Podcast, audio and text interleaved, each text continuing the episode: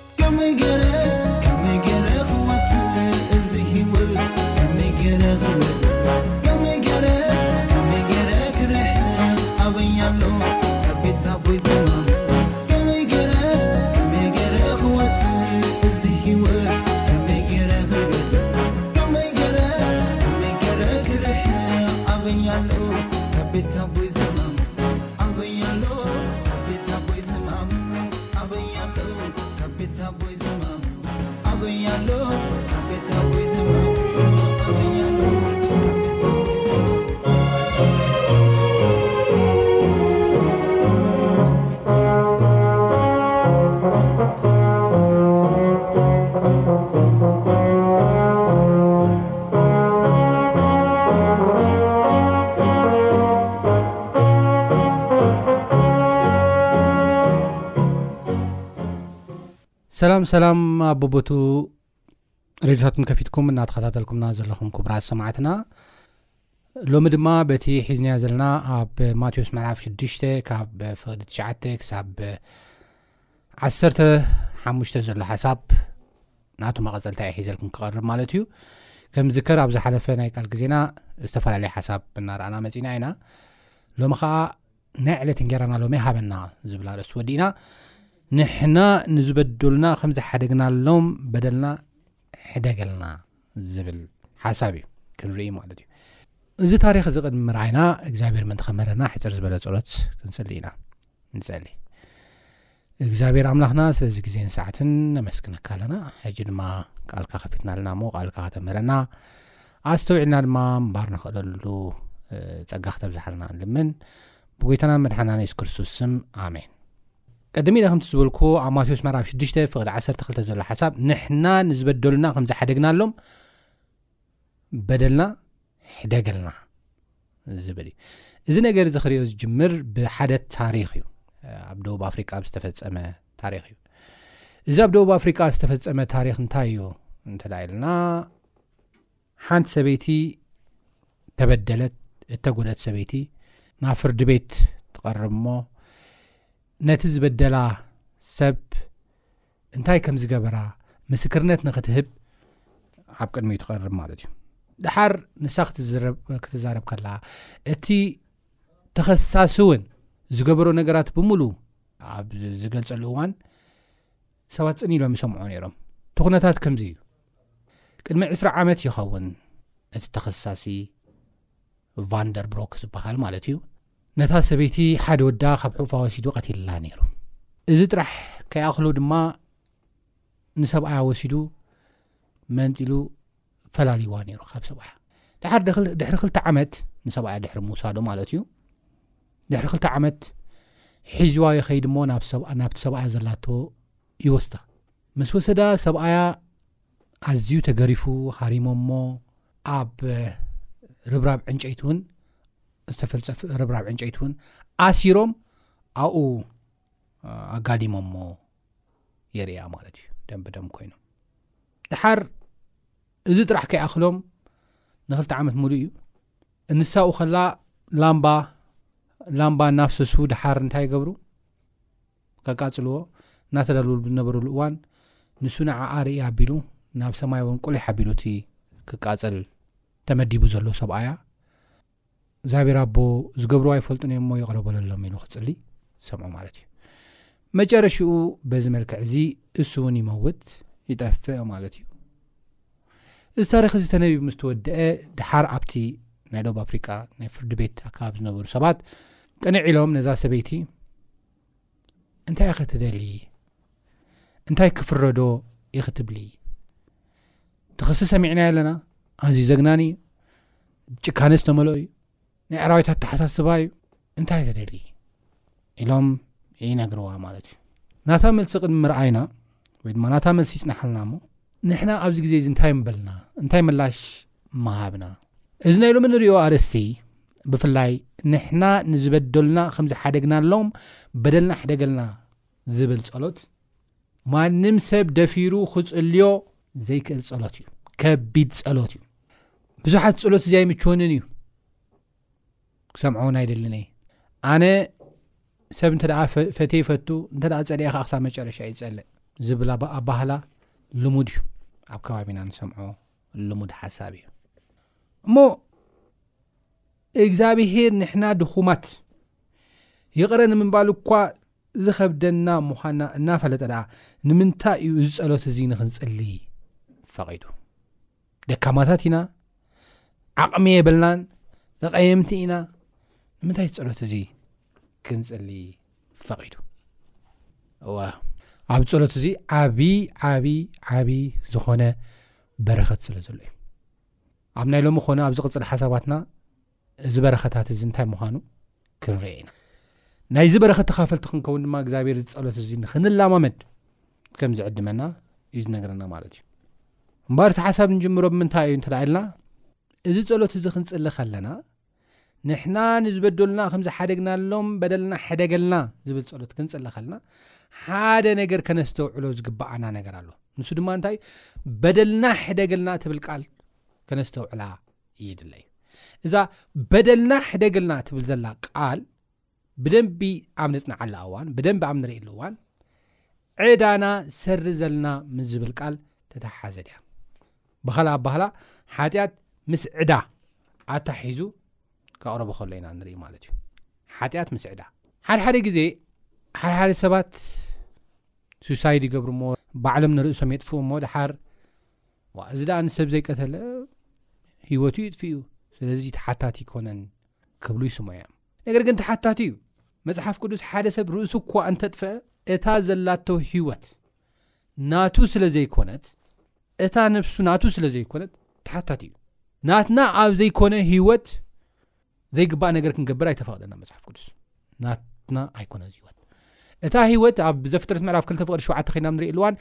እግዚኣብሄር ንሰብ ካብ ሓምድ ምድሪ ገበሮ ናይ ህይወት ስትንፋስ እውን ኡፍ በለሉ እታ ህይወት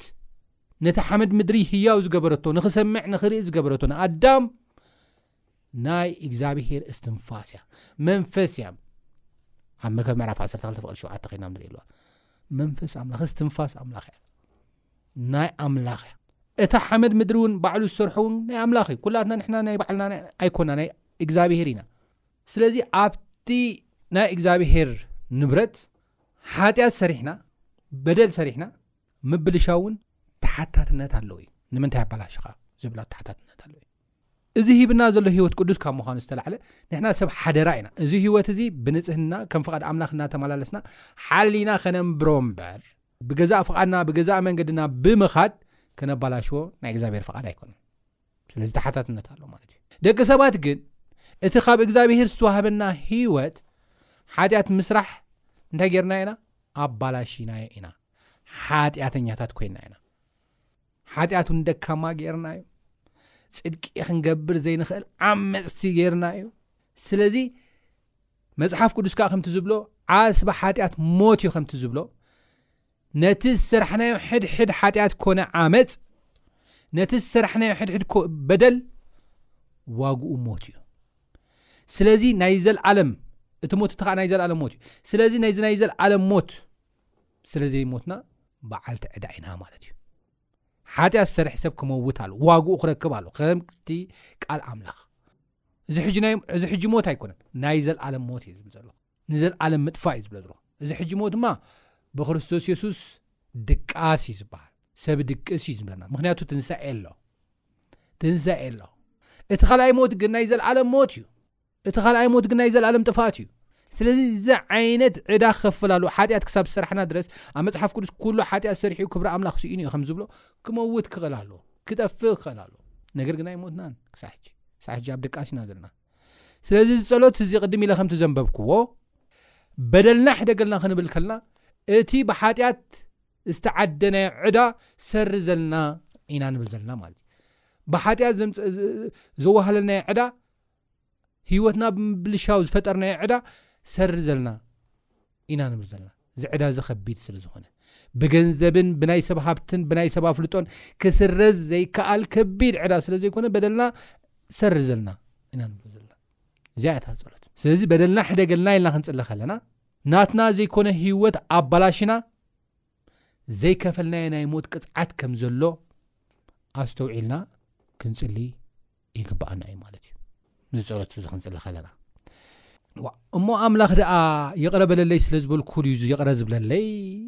ማለት መሓረኒ ስለ ዝበልኩ ድዩ ዝምሕረኒ ዋላ ከመይ እዩ ዝብል ሓሳብ ኣብዚ ናብ ካልእ ሓሳብ ክወስደና ክእል እዩ ብካልእ ኣባህላ ንሕና ብንብሎ ንሕና ብንልምኖ ንሕና ብንጽልዮ ጸሎሲ ይቕሬታ ንረክብ ድዩ ክኸውን ዘሎ ማለት ድዩ ትሓሳብ ዝብል ኣሎ እዚ ቓል እዚ ናይ ሎማዓንቲ ሓሳብና ንውድኦ በዚ ሓሳብ እዚ እዚ ቓል እዚ እንታይ እዩ ዘምህረና እንተ ኢልና እግዚኣብሄር ንሕና ይቕረ በለና ኢልና ዘይኮንና ይቕረ ዝብለናስ እግዚኣብሔር ኣምላኽ ብክርስቶስ የሱስ ኣቐዲሙ ተዓሪቕና እዩ ኣብዘን ሰለስተ ጥቕስታት ኣብ ሮሜ ምዕራፍ 5 ፍቕዲ 6 ፍቕዲ 8 ፍቕዲ 1 ከይናም ንሪእየኣሉዋን ገና ድኹማት ከለና እዩ ዝብለና ብሓጢኣት ደኺምና፣ ንጽድቂ ጽድቂ ንምግባር ተሳኢንና፣ ዓቐመ ስኢንና፣ ኣብ ሓጢኣት ዓዘቕቲ ኮይንና፣ ባሮት ኮይንና፣ ከለና ክርስቶስ ብግዚኡ ምእንቲ ዓመጽቲ ሞተ ይብለና። ቀጺሉ ድማ ቁጽሪ ሸሞንተ ግናኸ ንሕና ሓጥኣን ከሎና ሓጥኣን ከሎና እዩ ዝብል ዘለኹ ይቕረ በለና ይትረፍ እሞ ገና ሓጥኣን ከለና ዓመጽቲ ከለና ክርስቶስ ኣብ ክንዳና ሞይቱ እዩ እሞ ኣምላኽ በታ እትፈቕሩ ንኣና በዚ የርኢ ኣሎ ምስ በለ ቁፅሪ ዓሰርተ እታ ናይ መወዳእታ ጥቕሲ እየ ዝደልያ እዚኣ ተወሳኒት ጭራሽ ንሕና ጸላኣቱ ከለና ምስ ኣምላኽ ብሞት ወዱ ተዓረቀና ይብለና ኣቀዲሙ እዩ ተዓሪቀና እግዚኣብሔር ካብ ተዓረቀና ደኣ ክንደይ ብህይወቱ ኣዚና ዘይንድሕን ስለዚ ንሕና ይቅረ በለልና ኢልና ስለ ዝጸለና ዘይኮነ ይቅሬታ ንረክብስ ነገር ግን ኣቀዲሙ ተዓሪቅናስ ኣቀዲሙ ይቅረ ኢልና እዩ ስለዚ ከመይ ጌርና ኢና ይቅሬታ ንረክብ ኦሬዲ ይቅረ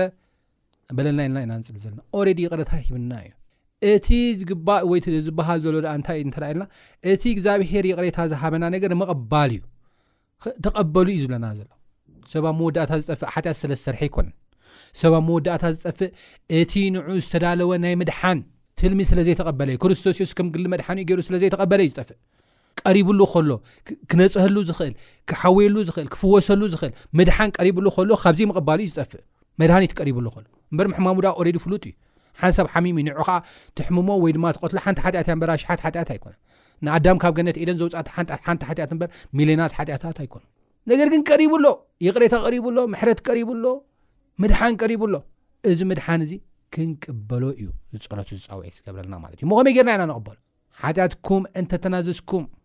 ይብለና መጽሓፍ ቅዱስ ሓጢኣትኩም እንተ ተናዘዝኩም ሓጢኣትኩም ይቕረ በለልና ተበልኩም ሓጢኣትኩም ይቕረ ክብለኩም ካብ ኩሉ ዓመፃ እውን ከድሕነኩም ንሱ ፃድቕን እሙንን ይብለና መፅሓፍ ቅዱስ ምንዛዝ ሓጢኣትና ምንዛዝ ንካልኦት ይቕረ ክንብል ከልና እቲ ኦሬዲ ተዋሂብና ዝነበረ ይቕሬታ ካብ ኣምላኽ ከም ንረኽቦ ኢዩና ንርኢ ማለት እዩ ስለዚ እዚ ነገር እዚ ኦሬዲ ተዋህበና ነገራት ንቕቕምበል እዩ እበር እግዚኣብሄር እዚ ስለ ዝገበርና ኣይኮነ ይቕረ ኦሬዲ ይቕረ ይልካ እዩ ንስኻ ግና ኣይተቐበልካዮ